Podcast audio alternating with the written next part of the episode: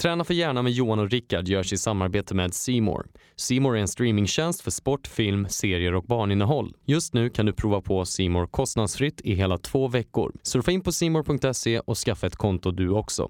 Är du nyfiken på Rickard och Johans gemensamma träningsresa till Marbella? Nu finns det platser tillgängliga till höstens Marbella Camp. Besök rickardnordstrand.nu för mer info och anmälan. Men... Ehm, Ska jag säga att Rickard står med bara underkropp? Ja, bara just det, bara underkropp också. Inte bara med, det var helt fel. det är en annan podcast vi har på lördag. Direkt från Ankeborg.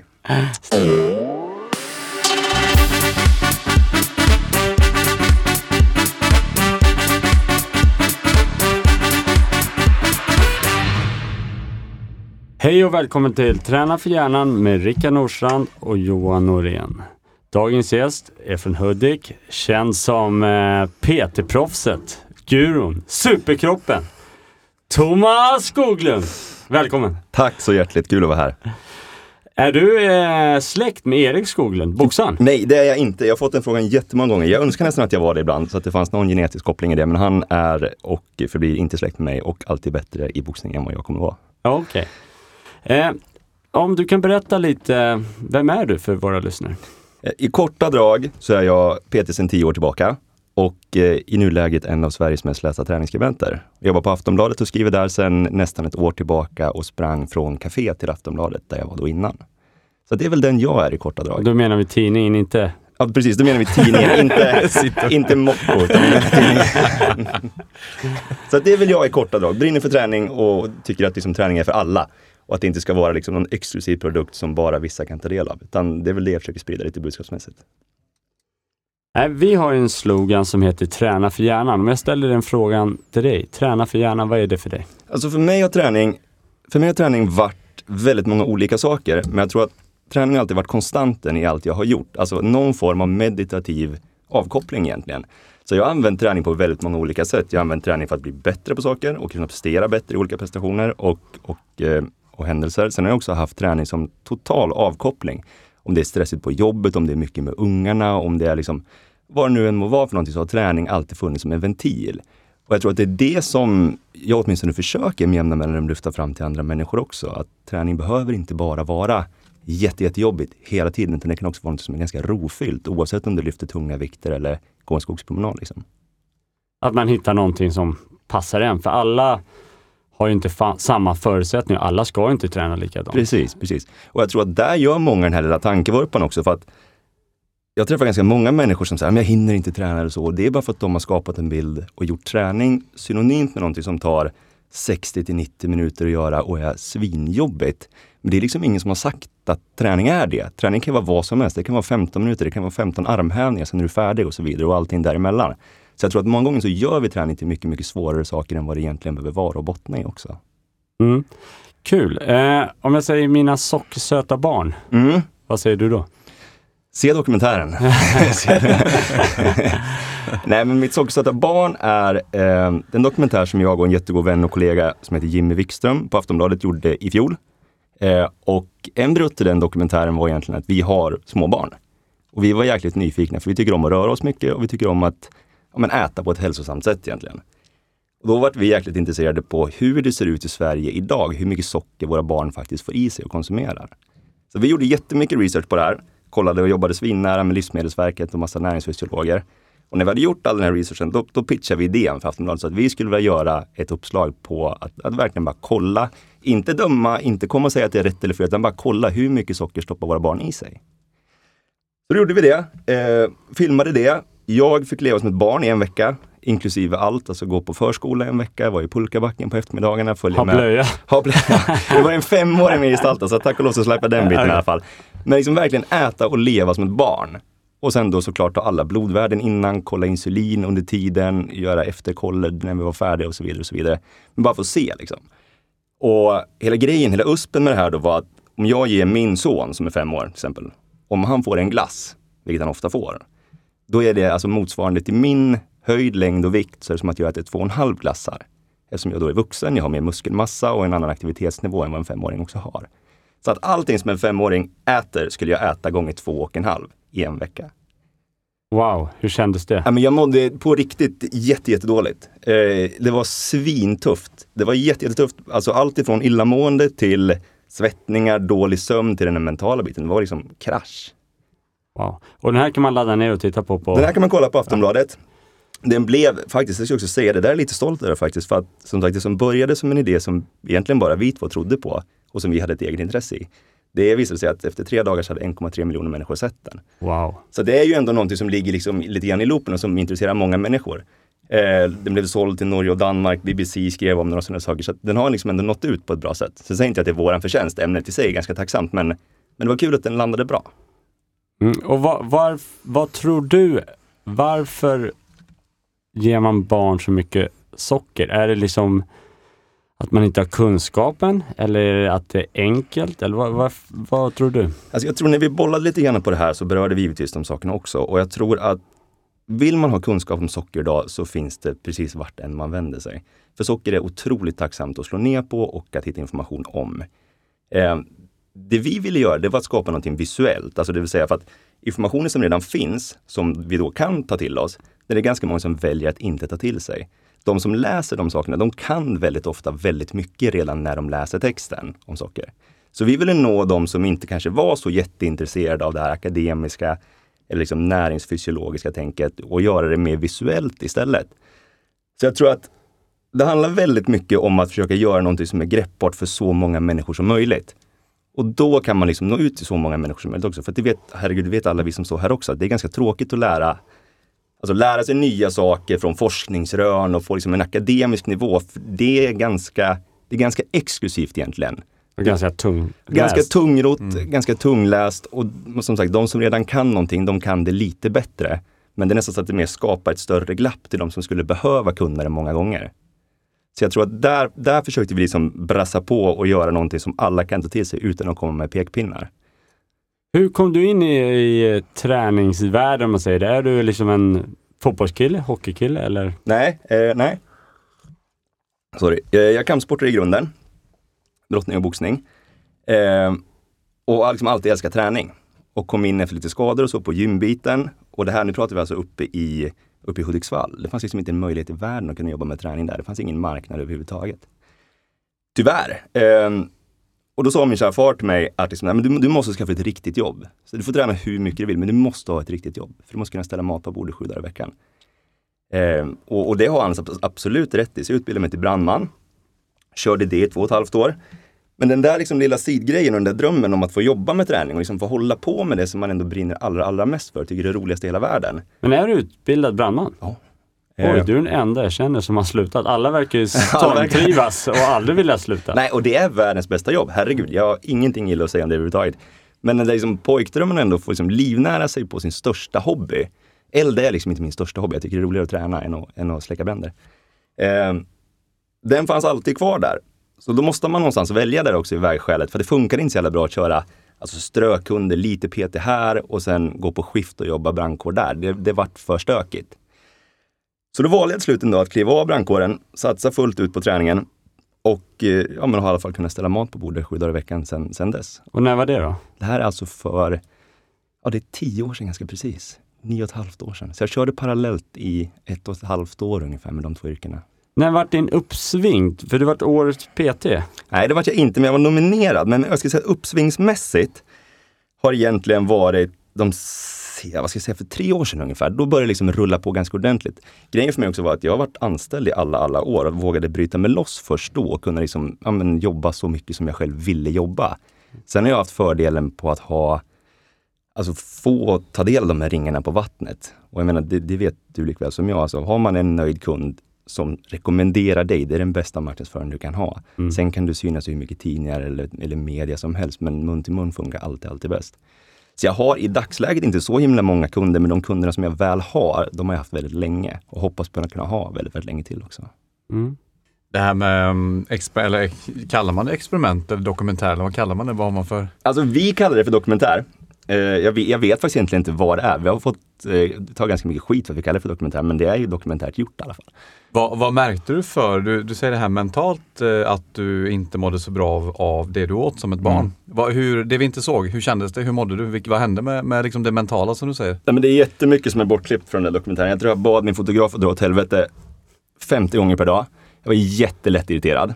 Eh, sov som sagt jättedåligt, mådde illa hela tiden. Sen framförallt också den här maktlösheten som man inte har känt sedan man var barn själv. Alltså att du får inte bestämma när du ska äta och du får inte bestämma vad du ska äta. Där har vi liksom blivit jävligt bortskämda med som vuxna individer. Så du fick det liksom, om du ska dricka, i det här fallet, då, jättemycket juice eller äta så här många mackor eller så här mycket godis. Fast att du kanske inte var så sugen på det, men det var nu det skulle in. Liksom. Så att den här okontrollen och maktlösheten, den var skitpåfrestande rent ut sagt. Och rent, eh, rent mentalt då? Märkte du att du förändrades? Ja, det gjorde jag. Jag märkte att jag varit en, en sämre människa på många sätt. Men jag... Eh, det var jobbigt fysiskt, för att liksom kroppen inte fick användas på det sätt som den var van att användas. Och rent mentalt så blev man ju alltså slöare, tröttare, mer korttänkt och liksom, ja men hispig på något vänster. Och det låter inte så farligt när man återberättar så här, men en vecka i det tillståndet utan kontroll, det blir jobbigt. Liksom. Och det där också, så här, det, det föder ju, jag har två barn själv, och det föder ganska många tankar och reflektioner också kring hur man faktiskt, hur man beter sig mot sina egna barn. Och, och där har man ju sannerligen gjort sina egna fel också. Man är långt ifrån felfri där. Men det är ganska dumt att om ens barn är trötta till exempel och så är det ett jäkla liv i baksätet eller vad det nu må vara. Så ger man dem en glass eller en chokladboll eller vad det nu må vara för att liksom bara make peace med stunden. Och sen en timme senare när man ska natta dem så bara, men fan att du aldrig blir trött. Jo men det var ju du som gav mig socker. Alltså det är, lite, det är vi som gör fel, det är inte barnen. Barn vill alltid ha godis, punkt. Mm. Sen hur mycket de får, det är upp till oss föräldrar. Det där såg man ju också när man summerade veckan sen att förskolan som jag gick på, den var, liksom, den var felfri. Där fick jag svinbra mat rakt igenom. Så det är vi föräldrar som gör tabbarna. Så enkelt är det. Liksom. På det vi ger mellan målen och det de ofta får på tallrikarna när det är middagar eller vad det nu må vara. Varför gör vi så? Var kommer det ifrån tror du? Men jag tror att det kommer från att vi är jävligt stressade många gånger. Det ska gå fort. Och sen tror jag att vi är väldigt konflikträdda många gånger också när det kommer till just de här mellanmålsgrejerna. För att återigen, barn kommer vilja ha festis mer än vad de vill ha vatten. Så, så är det. Så var jag också. Liksom. Det är inget som är konstigt med det.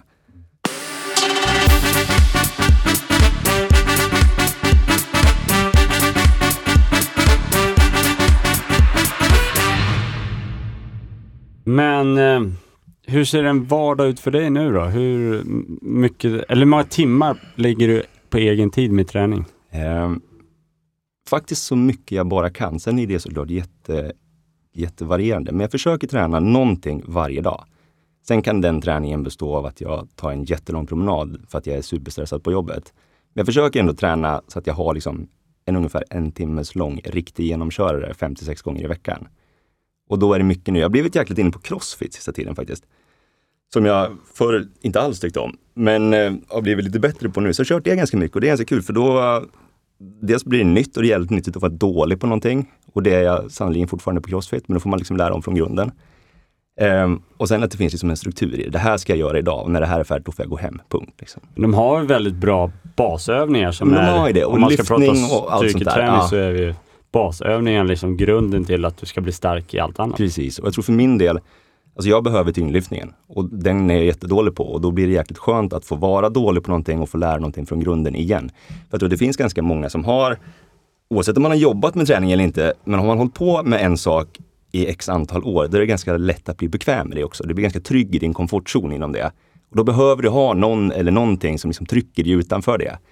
Och, och, där gjorde jag mig absolut skyldig och sen kom crossfit in i bilden och då fick man liksom den här riktiga örfilen på att oh, jäklar kan det vara så här jobbigt också. Och jag tror det som, alltså i ens roll som tränare, så tror jag också att det gör att man blir ganska mycket mer ödmjuk, för då får man liksom känna på hur jobbigt egentligen kan vara mm. från ett kundperspektiv istället. Då. Vad tror du är vilka, din erfarenhet, vilka är de vanligaste tankefällorna man hamnar i vad det gäller sin träning?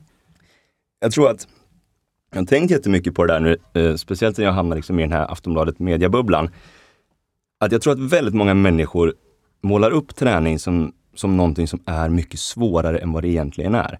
Alltså för att du ska träna så behöver du bara träna. Och sen så ställer vi massa liksom hinder och frågetecken i vägen för det för att vi ska göra det till att oh, men gud, jag som inte kan frivända korrekt eller jag som inte har de bästa träningskläderna eller de här kosttillskotten eller vad det nu må vara. Men i grund och botten så du behöver bara röra på det. Du behöver bara aktivera kroppen. Det är träning och det kan alla göra oavsett skadehistorik eller målbild eller förutsättningar. Så jag tror att man behöver bara skala bort begreppen och förstå att träning är, ja men det är precis vad du gör det till. Det kan vara att du sitter på en cykel i 15 minuter eller det kan vara att du kör ja men Murph som ett crossfit-pass från helvetet liksom och allting däremellan. Så att jag tror att man inte ska skala upp träning så himla mycket utan bara hitta sin nivå. För då passar det alla. Men när man har tagit beslut om att börja träna, vilka, vilka, vilka vad säger din erfarenhet? Är, vilka är de vanligaste eh, mentala utmaningarna som man behöver hjälp med i början för att gå från att ha tagit beslutet och sen bli liksom eh, konsekvent med sin träning? Men det är väl att alltså, bygga en kontinuitet i det. Och hur gör man det då? Genom att bara göra det. Nu förenklar det givetvis, men jag tror att man sätter rimliga mål. Så att man liksom inte bara, men jag ska gå ner 25 pannor. För det är ganska svårt att greppa det om man kliver in på ett gym för första gången. Då kanske det är bra att man bara försöker se de här små framstegen också. För att det är någonting som jag har lärt mig den hårda vägen. Från att ha jobbat med ganska många olika typer av människor så är det att vi väldigt fort blir hemmablinda. Vi ser inte vår egen progression och våra framsteg. Utan man tittar fortfarande jättelångt bort mot den här horisonten. Och dit är det ganska svårt att nå. Det blir ganska ogreppbart i början tror jag för många. Så att se varenda liten, liten grej som man klarar av faktiskt. Så det kan vara att du får lite bättre rörlighet. Det kan vara en sån sak som att du bara dyker upp på gymmet helt plötsligt två gånger i veckan istället för några gånger i veckan. Det är också ett framsteg.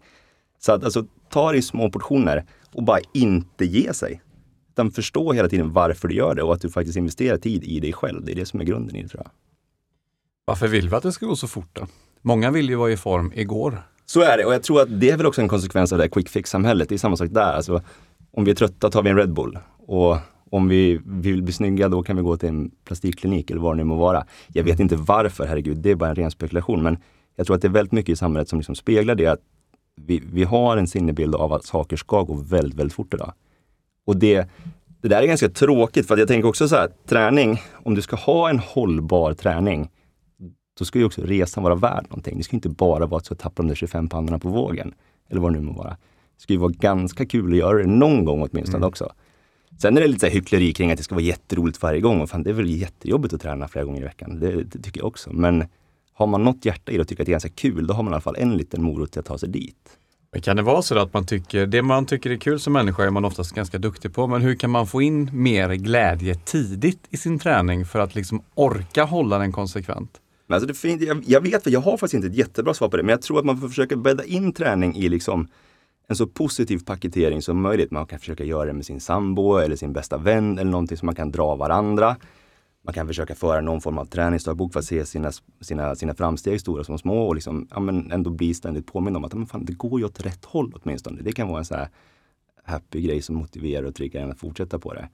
Eh, och sen också bara alltså, jobba strukturerat. För jag tror att många gånger när människor försöker komma igång med träning, då gör man en jätteväxling på det. Så här, men nu är det äntligen den här måndagen som jag längtat så länge efter. Då ska jag börja träna fem gånger i veckan. Så ska jag lägga om min kost, jag ska sluta äta kolhydrater eller vad det nu må vara. Och sen ska jag sova åtta timmar per natt. Det är en ganska stor omställning för kroppen om man inte har gjort något av det tidigare. Då tror jag att det är mycket, mycket bättre om man bara fokuserar på träningen, till exempel då, eller sömnen eller kosten, vad det nu må vara. Men att man styckar upp de här små detaljerna för att sen sträva efter en helhet. Så när man har fått koll på träningen, när den funkar, något sånär friktionsfritt i alla fall, ja, men då kanske man ska börja kolla på kostparametern. Finns det något som jag behöver förändra här? Ja, kanske ska ta bort det, lägga till det och så vidare. Och sen i sin tur lägga till kosten eller komplettera med den om det nu behövs. Men istället för att vända upp och ner på livet på en och samma gång, för då blir det ett heltidsjobb. Liksom. Det tror jag är väl avancerat.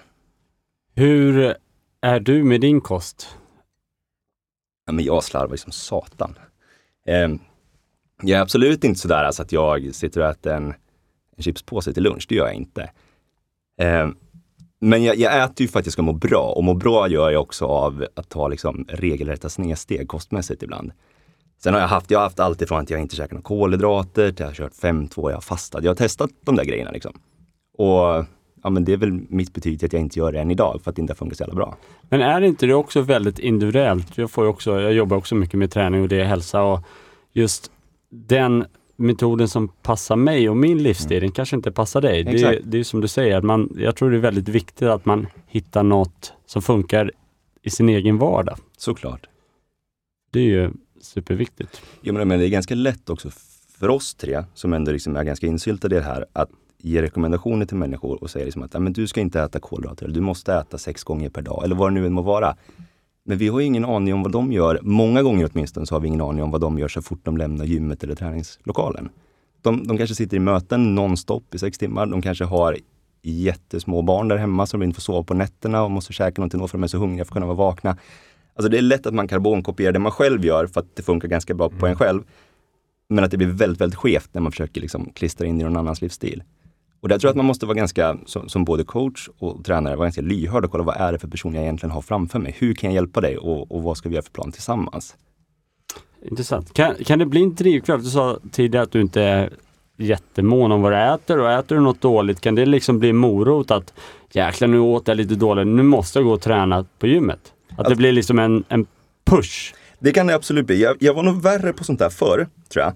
Då var jag nog ganska manisk på det liksom. På att, ah, men fasen, jag käkade ju ändå si och sådär mycket igår kväll. Då ska jag springa lite längre idag eller träna lite hårdare, vad det nu må vara.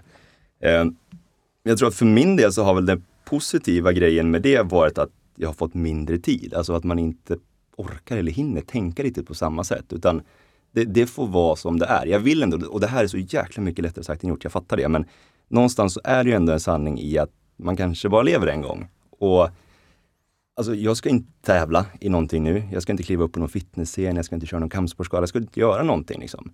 Och om jag då älskar att äta nygräddat bröd eller, eller någon efterrätt eller vad det nu må vara.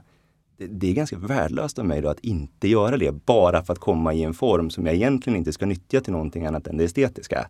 Mm. Sen köper jag att de resultaten är jätteviktiga, man ska inte förminska det. Det är någonting som kanske har strävats efter i, i jättemånga år. Men jag tror man måste backa ibland från den här lilla träningsbubblan och bara se den stora bilden av det också.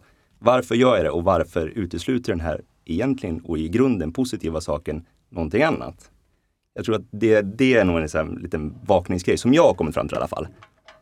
Om man som lyssnare känner eh, igen sig. Eh, igen sig. Nej, men om man som lyssnare känner eh, en relation till träning och stress och press. Press ifrån inre krav eller press ifrån jämförelse till någon annan. Vad har du för åsikt om hur kan man liksom lätta så att den här pressen försvinner och att glädjen och lusten kommer till istället? Det där är också en jättefilosofiskt svår fråga. Jag, jag har jämfört mig med jättemånga andra i jättemånga år. Och jag förstår att det är väldigt svåra mönster att bryta många gånger. Eh, det skulle vara liksom rent hyckleri att stå här och säga någonting annat. För jag fattar verkligen, och speciellt kan jag tycka idag, eh, för jag anser att det där har blivit lite värre. Dels med så här medieklimatet som råder, men också med ja, men vissa ideal som, som dels vi som håller på med träning ganska mycket och liksom samhället i stort har fött. Men jag, jag tror att man någonstans måste liksom hitta en trygghet i sig själv i det där också för att kunna distansera sig till det. Och återigen, jag fattar att det är mycket, mycket lättare sagt än gjort. Men jag tror att man lätt går vilse om man börjar titta på andra hela, hela tiden. För att vi, det är liksom, det är lite samma sak där tycker jag. Så här. Träning är också någonting som är ganska unikt anser jag. För att vi gör ofta samma saker hela tiden. Vi killar är oftast liksom jätte, jätteduktiga på det. Så här, måndag då är det bröst och ryggdag, då kör jag samma vikter, samma repetitioner. Fredagar? Ja, nej men det är bröst för mig. det, det, kan vara olika det eh, Nej men så här, vi gör samma övningar, vi gör samma repetitioner, vi, helst på samma bänk, på samma gym. Vi gör allting exakt likadant. Och sen förväntar vi oss nya resultat. Fast vi stoppar inte in någonting nytt i den här formen någon gång. För där är vi trygga liksom. Och jag tror att det där det bottnar jättemycket i rädsla tror jag. Det är ungefär samma sak, om jag läser samma bok tio gånger, då förväntar jag inte mig ett nytt slut den elfte gången. Men med träningen så gör jag det. Då ska liksom äntligen, nu kommer det lossna. Nu kommer bröstpressarna liksom fixa till den här kroppen en gång för alla. Och det där, det är bara skit. Det är bara skitsnack rakt igenom. Och det där tror jag många människor behöver bli bättre på. Liksom att våga kliva utanför den där lilla rädslan. Sluta kolla på vad alla andra gör och hitta den vägen som funkar just för dig. Både vad är man rädd för tror du? Vad är rädslan? Ja, men det är ju skitjobbigt att kliva in på ett gym och sen är du liksom jättesvag för att du testar någon jävla balansövning som du har gjort förut. Då, då fastnar du ju i bröstpressen istället då, för den har du gjort före. Och du är väl rädd någonstans för att vara dålig.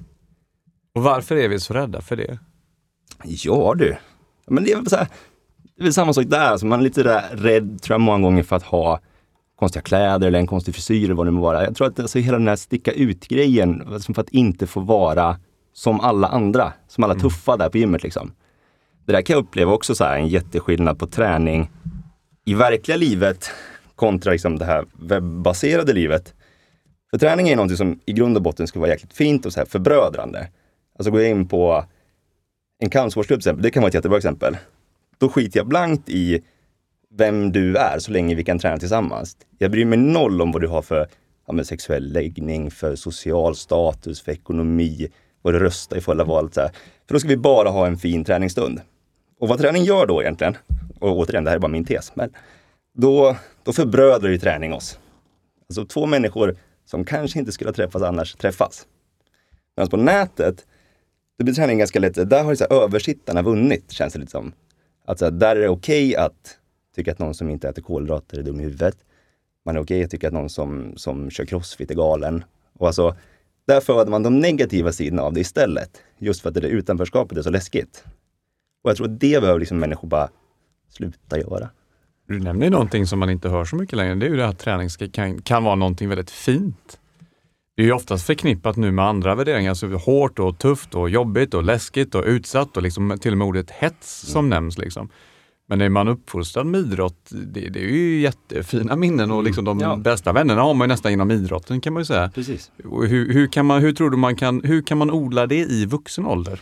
Jag tror att det där är svårt. Jag tror att mycket ligger nog på oss som liksom försöker sprida träningsbudskapet oavsett om man står i en podcaststudio eller skriver texter eller gör tv eller vad det nu må vara. Eh, det kommer säkert alltid finnas en negativ våg av det också som till viss del grundar sig i avundsjuka och till viss del grundar sig i liksom bara alltså, nättrollande eller vad det nu må vara. Men jag tror man måste lyfta fram alltså, möjligheterna som träning gör och då, återigen försöka tänka lite mindre på kanske de estetiska vinningarna och se precis som du nämner själv, alltså de sociala vinningarna. Här träffar man människor som man aldrig förut har träffat. Man gör saker som man kanske aldrig tidigare har vågat och man skaffar sig vänner antingen för stunden eller för livet och allting däremellan. Och det, alltså, och det gör du ju oavsett om du kliver ner i en kampsportslokal eller i en gruppträningsklass eller på ett, på ett enskilt gym. Jag tror att det är något som ganska lätt faller i glömska. Att människor tittar på tok för mycket på det yttre istället för på det inre. Och då blir träning ganska snabbt associerat med det här tuffa, hårda, skrikiga, ryckiga liksom. Mm, jag säger prestationsfri träning. Vad mm. tänker du på då? Eller hur ser du på det begreppet? Det kan nog vara det kan nog vara lite allting tror jag. Alltså prestationsfri träning för mig, det är de här dagarna som man tränar bara för att man mår bra. Alltså det spelar ingen roll hur mycket du lyfter eller hur många gånger du lyfter. Du gör liksom så här, alltså fredagsträning, det är fan prestationsfri träning.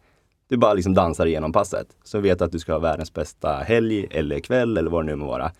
Du, du siktar liksom inte på att slå personbästa lyft då, tror jag så många gånger. Mm. Och det tycker jag man borde applicera alltså på en måndag också. Sen kan det säkert vara massa andra saker också, men det är det första som ploppar upp i huvudet. Jag måste bara fråga, du kommer från en kampsportsbakgrund där man haft tävlingar och man liksom måste träna för att ja, man har en tävling framöver. Mm. Eh, och sen helt plötsligt börjar du jobba med träning, träna personer. Mm. Hur har du då fått motivationen att träna själv? För jag vet ju själv när jag slutade tävla så kände jag så här, varför ska jag träna idag? Ja. Det, jag hade liksom ingen mål med själva träningen. Nej, och det där, det tycker jag är jätteintressant. För mig var det nästan tvärtom. Alltså, äntligen så kan jag göra precis, alltså nästan en tredimensionell känsla. Nu kan jag göra vad jag vill utan att behöva bli liksom bättre på någonting. Nu kan jag träna alltså allt ifrån, jag kan discogymma sju dagar i veckan om jag vill. Eller jag kan springa, jag kan göra precis vad jag vill. Alltså en frihet nästan till det hela. Sen tror jag också att, alltså just, och det där tror jag kan bli ganska svårt många gånger. Om du kommer från liksom en grenspecifik idrottsbakgrund, då blir träningen ganska stort när du kliver utanför. För det blir återigen, du blir trygg i den idrotten. För där vet man ofta och blir ganska hårt drillad. Det är precis de sakerna som du behöver bli duktig på, de sakerna som du måste klara av och hantera och så vidare. Och så vidare. Tar man då bort den, då finns det ju tusen grejer som du kan välja på själv. Och då är det ganska ofta tror jag som man då återigen fastnar i mönster på saker som man, liksom, man hakar på någon polare eller man tar en timme med en tränare och sen så kör man det programmet i sex år eller vad det nu må vara. Istället för att liksom våga orientera sig lite grann i allt vad det här som träning faktiskt kan vara. Det kan ju vara att du kör som Musse Hasselvall och börja rida. Det är väl svincoolt att göra det. Det är väl mycket coolare än att köra bänkpress, tänker jag. Mm. Ja men det har jag testat på också. Det var verkligen en utmaning att rida. Ja. Eh, just från att man tyckte var, nej, men det var en tjejsport och sådär, tills att man kände wow, det här är liksom bål, det är lite så rädsla, det, det, är på riktigt ja. alltså. Ja, verkligen. Och gå fort och allting. Du har ju liksom hela adrenalin på slaget och hela mm. den grejen också. Och jag tror att det, må, det är samma med badminton eller vad det nu må vara. Det är så lätt att man liksom att man klankar ner på grejer som man inte har vågat testa. he, helt i onödan egentligen. Sen kan det vara så att man testar det, nej men det här var inte för mig, men då kan man orientera sig vidare lite grann. Så jag tror att man ska, man ska inte begränsa sig så mycket, utan man ska försöka se helheten till det och bara orientera sig fram lite.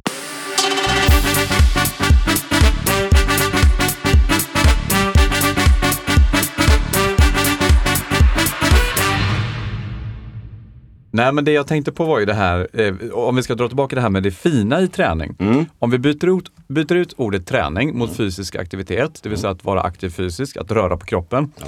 Många upplever ju i vuxen ålder för första gången en euforisk frihetskänsla. Mm. Där man till och med börjar gråta efter man exempel varit ute på en, en, joggingtur kanske för första gången. Eller på en löptur eller på en rask promenad i en miljö. Exempel där man möter solen och man möter liksom, eh, vindar och allting sånt där. Hur kan vi återigen lyfta fram mer det fina i fysisk aktivitet? För, för om vi går till andra hållet då så upplever vi många en press i att prestera stordåd. Ja. Det vill säga att dagens träning måste vara bättre än gårdagens, annars är jag en dålig person. Alltså man drar likhetstecken mellan prestation och utförande. Hur kan vi, för det enda vi vet då är att vi kan pressa oss, men press gör ju ofta saker olustiga för många. Hur kan man lyfta bort pressen och lyfta fram det fina? Återigen. Jag tror att det där finns det säkert mycket, mycket mer kompetenta människor än mig att fråga. Men jag tror att för att överhuvudtaget kunna se det där fina som fysisk aktivitet faktiskt kan vara, så måste man till att börja med öppna ögonen. Alltså du måste ha en annan grundinställning redan när du kliver in i gymmet eller i motionsspåret eller vart det nu än är som du ska utföra den här fysiska aktiviteten. För att det är nog ganska många där det här fina uppenbarar sig väldigt ofta, men att vi väljer att inte se det eller vi tittar åt andra hållet för att vi är så förblindade för de här fysiska prestationerna lyser eller skriker högst. Det tror jag är jättevanligt. Sen så behöver man kanske också lära sig att avdramatisera det här med träning. Återigen, det är någonting som du förhoppningsvis ska kunna göra resten av ditt liv. Du har inte bråttom med det, åtminstone inte om du inte har en inbokad tävling eller ett lopp eller vad det nu än må vara. Så de allra flesta har ju tiden. Och då tror jag att man vinner mycket, mycket mer på att tänka i ett mer långsiktigt perspektiv än ett kortsiktigt perspektiv. Det intressanta är ju när man för första gången för, för människor exempel tar bort pulsklockan. Mm. Alltså mätinstrument på hur, hur, hur snabbt ditt hjärta slår, Mm. men också tidsintervaller på din kilometertid. Mm. Eh, det tycker många är jobbigt till en början för då har man ju inget resultat att Nej, sträva precis. efter. När man då får titta på vilket underlag springer man på, vad är det för dofter i skogen, vad är det för miljöer som du ser. Då ser helt plötsligt människor saker för första gången Ja. som heter njutning. Det där är ju skitintressant. Jag, jag kan inte springa på pulsklocka. Eh, jag blir liksom stressad av det. För att det är som, precis som du säger, alltså, då skapar ju jag, jag skapar imaginära målbilder på att jag måste slå min tidigare tid. Jag måste inte springa en timme som kanske var målet från start, utan jag måste också slå distansen eller tiden som jag tidigare har sprungit på. Jag vet inte varför, men, men någonstans så föds det där ändå. För du blir ju bedömd som antingen en hare, sköldpadda eller snigel på typ Garmin eller på vad Ja. det heter, Runkeeper. Och man vill ju inte vara en snigel i spåret. så då jagar du det själv. Men då upplever vi många att, att träningen blir en stressfaktor. Ja. Att man får nästan ångestpåslag för man vet om att man ska slå ut personbästa. Ja. Och jag tror att det där också, så här, återigen, det är så lätt att stå i en studio och prata om sådana saker eh, jämfört med när man står ute i motionsspåret. För att någonstans så, så vaknar den här impulsen till liv, helt i onödan väldigt många gånger.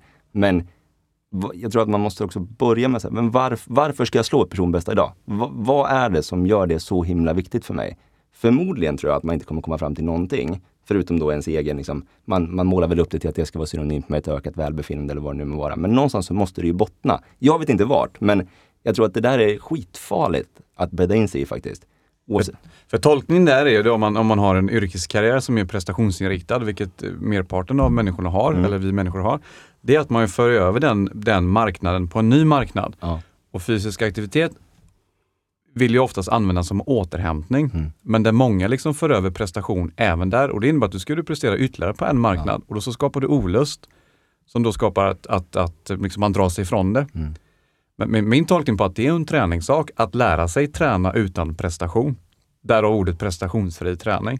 Men kanske också för över då njutningsträning. Exempel ett simpass utan prestation Ja. kan ju vara otroligt behagligt. Men med en naturupplevelse som är helt unik. Mm. Eh, Och hur man kanske kan förhålla sig till det. För att risken är kanske annars att allting bara blir press. Sen klart, självklart kanske om man vill stå personbästa så ska man sikta på det. Men frågan är, behöver man göra det varje dag, Mm. varje pass, hela tiden? Och där tror jag också att för många som, som kanske har svårt, jag inklusive, att liksom att löpa den linan ut, att, även fast man kanske intalar sig själv hemma i hallen att Nej, men idag ska jag bara jogga lugnt i 40 minuter, så vaknar den där tävlingsdjävulen ändå efter 10 av de 40. Eh, så, så tror jag också att man kanske med en mer välplanerad och strukturerad träning, alltså att man, man skapar en kalender där man har rena återhämtningspass. Sen liksom, nej men jag, jag ska inte springa så fort jag bara kan idag, för det kommer göra att min planering sabbas. Det ska jag göra om två veckor, eller vad det nu än må vara för någonting. Alltså då kan man ändå strukturerat sköta återhämtningen också. Det man kommer in på ofta där som jag tycker det är det här med exempel sjukskrivning, om man tittar på utmattning historiskt eh, själva. Det är ju att då får man ju sin, eh, sin utmaning i, i hjärnan, mm. i huvudet. Medan en överbelastningsskada från träning, den får du ju sorterat någonstans i kroppen. Ja. Exempel löparknä eller beninflammation eller hälseninflammation. Men i min värld så, är det, så, är det, så har, har det liknande in, in, vad ska man säga, mm. insjukningssätt om man säger så. Du ligger ju och nöter på samma sak för länge. Ja. Där bevisligen många, kanske då inklusive själv, har svårt att se det där innan, vart det är på väg att leda till. Eh, men det jag tror att det är av vikt, och vet inte du Rickard, men i din karriär, hur viktigt det var att lägga in återhämtningspass innan för att slippa lägga rehabpass sen om man säger så. Men jag hade under min karriär, då, när jag väl liksom skulle satsa på thaiboxning det, så hade jag ju liksom hockeyn som den vad ska man säga, zon där jag liksom spelade hockey och jag tyckte bara var roligt och egentligen ingen prestation. Mm. Men jag fick ju väldigt mycket träning och jag tycker den är väldigt lik thaiboxning just med kamp och korta intervaller och det här. Så jag fick ju mycket gratis, men det tyckte jag enbart var kul. Så det var ingen prestation för mig alls att spela hockey då, på den tiden jag hade slutat och bara gjorde det för att vara roligt. Men mm. jag tänkte på en fråga Thomas. Jag har ju mm. mycket hockeykompisar och sånt där som har liksom gjort sin karriär och slutat och liksom helt enkelt bara tappat träningen. Mm. Hur skulle de kunna liksom, hur ska man kunna motivera dem att börja? För de känner ju liksom, förut var ju det deras jobb, deras arbete. Det var liksom, men nu, nu finns det inte där ett måste eller Nej, det. Den här naturliga dragningen finns inte kvar längre. Och jag tror att där också, många gånger så blir man ganska identitetslös om man har liksom bundit sig till en, en träning eller vad det nu må vara. Och där tror jag också att ett steg till det hela, det är att man liksom vågar, vågar vara ifrån det ett tag, att man inte känner den pressen. Många gånger så kan jag uppleva att människor som har varit väldigt, väldigt aktiva, det är liksom det enda de är. Då kan det vara skitbra att ta en månad eller två ifrån det också, bara inte tänka träning överhuvudtaget. Många gånger så handlar det här om människor som har varit ganska mycket längre än två månader ifrån, det kanske är 15 eller 16 år många gånger också. Eh, men sen tror jag också återigen, precis som vi var inne på nyss, alltså göra någonting som faktiskt är ganska prestationslöst och jäkligt roligt.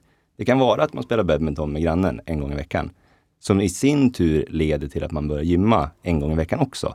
Att man återigen tar det liksom i successiva och mindre steg istället för att man försöker göra upp en träningsplanering på samma sätt som man hade när man var elitmässigt aktiv eller åtminstone aktiv inom den idrottsformen som man tidigare höll på med. För där är det ju ofta väldigt mycket och väldigt långa pass. Och det kan kännas ganska långt borta tror jag när man liksom har, har klippt de banden.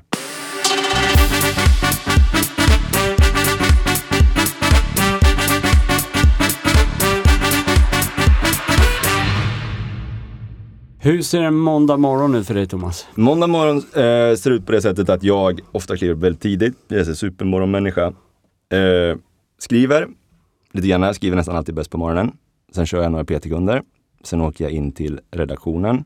Vart håller du hus nu med PT-kunderna? Jag håller ett hus på en crossfit-box som heter Fit for Life på Lidingö. Okay. Eh, och ibland också faktiskt, så ofta som det bara går, ute. Nu när vädret är som det är. Jag tycker det är svinhärligt. Eh, så det är lite varierande. Sen många gånger på redaktionen, sitter där några timmar och sen avslutar man att skriva hemma. Sen. Så det är, det är mycket jobb och det är ganska höga variationsmöjligheter som man kan styra lite själv och det tycker jag det passar mig jättebra det är just nu. Du nämnde tidigare här att du hade två barn. Mm. Eh, vem sköter den biten? det sköter dagis, eller Nej, det gör inte alls det. Jag har en fantastisk fru också. Eh, som liksom hjälper, och, och, henne ska man ju faktiskt hylla jättemycket för annars hade jag inte fått ihop det här pusslandet. Eh, den här våren har varit extremt jobbbetonad. Och där är väl egentligen hon den enda hjälten som man ska lyfta fram med det, för att det har kunnat vara så. Eh, så, att, eh, så att hon har varit ett jättestöd och liksom avlastningsmässigt en, en superklippa att hålla i. Men nu får ni ihop det där, då, då lämnar hon på morgonen och du hämtar då på eftermiddagen mm. eller? Antingen är det så, Eh, eller så lämnar jag och sen hämtar hon om det är så att jag ska köra liksom en, en, ett kvällsblock. Att jag antingen måste sitta inne på redaktionen eller vi är ute i produktion eller håller på med någonting sånt.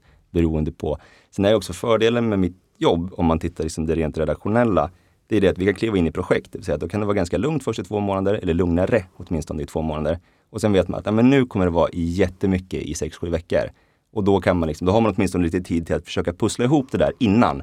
Så att man kan få något sånär bra stöd från mor och farföräldrar eller vad det nu än må vara också som kan rycka in och hjälpa till.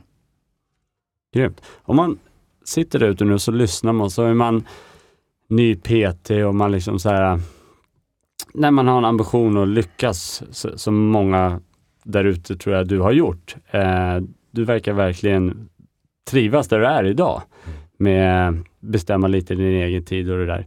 Vad är liksom tipset till att nå hela vägen där du har nått idag? Jag tror att det måste finnas en grundförståelse eh, att man behöver ha sina 10 000 timmar. Alltså PT är ett sånt jäkla luddigt yrke tror jag många gånger för att man kanske har älskat att träna själv i alla år. Och då tror man, jag ska inte säga man, då tror många åtminstone att det också per automatik är ganska enkelt att, att jobba med. Alltså personlig träning tycker jag är, bland de svåraste yrkesrollen man kan klä sig för att du ska vara så många olika saker på en och samma gång. Du ska kunna ha den sociala kompetensen, du ska givetvis vara jätteduktig på träning. Du ska kunna ha nästan den här, så här psykologvibben också. För att ska du jobba vitt och brett på eh, en stor träningsanläggning, då måste du också kunna välkomna och ta emot och liksom utmana alla olika typer av människor. Och jag tror att det där är en jätteviktig skola som man behöver, man behöver verkligen få jobba på det sättet. Ehm, och precis som det är med allting annat, det blir man bra på genom att göra. Så att man behöver nöta, man behöver träffa människor, man behöver genuint älska det man gör. För att PT är någonting som man i regel, om vi då tar så här, du är nyexad från PT-skolan, du ska ut, kommer på ett första gym och får en anställning där. Du kommer inte tjäna så himla bra pengar. Du kommer få jobba morgon till kväll, ofta med hål mitt på dagen där du inte kan göra någonting egentligen. Du kommer få jobba helger. Alltså du ska vara tillgänglig när andra, när andra är lediga. Då jobbar du. Det är, liksom, det är den grejen. Och tycker du då inte att det är sådär barnsligt jäkla kul, då tror jag tyvärr inte att man blir så långvarig. Då kanske, då kanske träning är en egen produkt istället för en produkt som man ska lära andra. Um, och så där är det väl i många yrken som det går mode och trender i, men jag tror att man verkligen behöver ha en, en, en, genuin lycka i att hjälpa andra. Sen att det just är inom träning, det är nog mest plus i kanten tror jag. Kul att du säger så här, för jag har ju erfarit samma som du säger, att man liksom har jobbat på en, en stor träningskedja och fått liksom kunskap med allt det här äh, med, med bokningar och avhopp och liksom man jobbade tidiga morgnar, man jobbade bara sena kvällar till man liksom fick upp ett namn och man började märka att liksom så här, de vill faktiskt träna med mig. Mm. Och då kan man säga så här, nej men jag har bara tid klockan två idag. Ja. Och då är det liksom 90% av alla anpassar sig, ja. för de vill träna med dig. Men det är ju erfarenhet som krävs och att man vågar säga så. Eh, men jag håller med dig att eh, kör ordentligt och gå den här skolan. För mångas drömde ju att ha eget PT-gym. Ja. Och det är också en fruktansvärd kostnad och stress oh, som man inte ska glömma bort. För det där tror jag många också sätter upp på en pedestal. Liksom, att säga, men jag ska driva ett eget gym och bla bla. Så och, och, det får man absolut vilja. Det låter superhäftigt och jättehärligt. Men det är inte ett 8 till 5 jobb. För dels så ska det gå runt som du säger själv ekonomiskt, men det ska också gå runt rent entusiastiskt. Alltså någon ska vara eldsjälen som, som står i den där dörren varenda dag från morgon till kväll i princip. För det gör inte sig själv. För människor kommer inte dras, för att bara för att du älskar träning så älskar inte alla andra träning. De vill ju inte vara där i regel, för det finns tusen andra ställen som de vill vara på hellre än, än hos dig och ditt gym. Nu generaliserar vi, men, men, men, men så är det liksom. Så jag tror att där måste du bara bulta och brinna för det så hårt det går.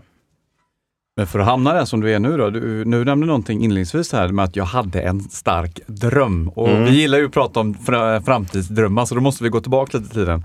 Hur, ehm, hur gjorde du för att våga ta steget att följa någonting som du inte visste vart det skulle leda till? För du hade ju lite tryggheten kan man säga i att ja. vara brandman. Gud ja. Eh, och, ehm, vad var det så, eller vilka mekanismer bakom gjorde att du vågade ta det här osäkra steget och, och, och gå linan hela vägen ut? Men det var nog, alltså det blir, tror jag, man kan komma ganska långt på det där utan att liksom behöva bryta mönster. Men om du vaknar varje dag och sen funderar du på hur det hade varit någon annanstans. Nu pratar vi då yrkesmässigt givetvis, men funderar på, fasen hur hade jag mått ändå om jag hade den här, den här PT-kunden nu istället för att sätta det, som i mitt fall, i en brandbil.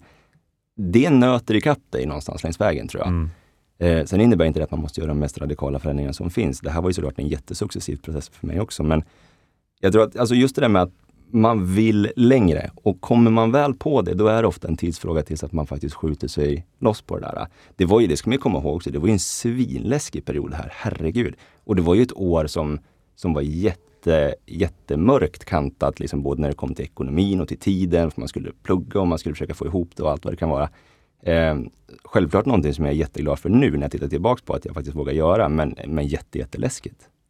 Men om man sitter i en liknande process nu, när man har en, eh, en känsla av att, eh, att man vill vara någon annanstans. Vilka tips eh, skulle du vilja ge för att våga ta det där beslutet? Alltså jag tror att det vanligaste man hör när, när man får sådana frågor, det är att du måste bara våga ta steget. det tycker inte jag är helt rätt. Du måste våga göra det också, men sen är det säkert en, en, en personlighetsgrej. Men Alltså göra en, en ganska strukturerad plan först. Okej, okay, vad ska jag göra för någonting? Vilka steg behöver jag ta för att nå hit? Vilka fallgropar kan det finnas? Vilka risker finns det med att jag tar det här? Herregud, jag var ganska ung då. Jag var inte pappa, jag var ingenting. Alltså, i, I värsta fall så hade jag fått gått tillbaka. Då. Det är klart att det är en annan situation när man är 45 år och har tre kids. Som, som man, måste liksom, man måste ta hand om dem. Då måste man riskkalkylera lite bättre tror jag än vad jag var tvungen att göra. Eh, så jag tror att man ska försöka tänka, tänka igenom alla steg. Och sen självklart, när man har gjort alla de här sakerna om man fortfarande är lika tänd på det då, läs på så mycket som möjligt, kör en ordentlig feedbackrunda och, och sen ta klivet. Liksom, med mycket hjälp från nära och kära. Det tror jag är, är helt avgörande. Eh, när man tittar på ditt eh, Instagramflöde så ser man att du ofta tränar med dina barn. Hur, eh, hur gör ni för att inkludera barnen i den eh, träning som ni har hemma? Alltså det, där, eh, det där har jag blivit mycket bättre på de senaste åren faktiskt. Jag var jättedålig på att involvera mina barn i träning förut för att träning var så jäkla viktigt. Då hade man liksom, nu måste jag köra järnet i, i 60 minuter. Precis som vi pratat om tidigare idag. Men eh, för att det ska bli kul och för att man ska kunna få ihop pusslet så gott det bara går, så tror jag att alltså det måste vara roligt och det måste skapas möjligheter som kanske annars inte finns. Och då är ju barn, barn är liksom ett problem många gånger när det kommer till att skapa tid. Mm. Så enkelt är det. Kan jag däremot kan jag köra dips med min dotter på axlarna eller kan jag bära min son eller vad det nu må vara. Då blir det liksom en härlig stund för, för dem och det blir en, en bra, åtminstone bättre träningsstund för mig.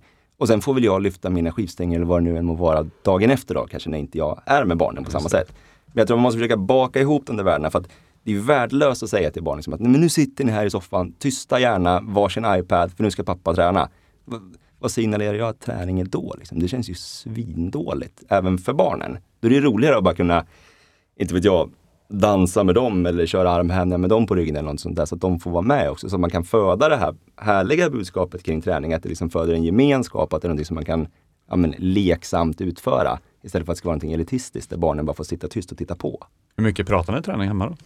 Ja, för, mina barn är otroligt ointresserade av vad deras pappa jobbar med. Eh, så att vi pratar jättelite träning. Min dotter dansar mycket, det pratar vi ganska mycket om. Men det kan ju vara så att man kommer hem som liksom men, lärt sig hur man ska ha liksom en perfekt ryckteknik eller om man har varit i någon morgonsoffa eller någonting. De stänger ju av. De skiter ju i det. De vill ju hellre kolla på Youtube och sen mm. så göra någonting helt annat. Liksom.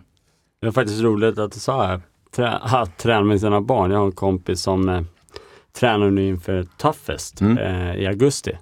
Och då har han varit ute i lekparken och så har han tränat lite för att armgång var hans svaga punkt. Mm. Eh, och så skulle de ut helgen efter och så frågade han barnen om de vill följa med. Då sa de, Ja, bara vi inte går till en sån här pappalekpark.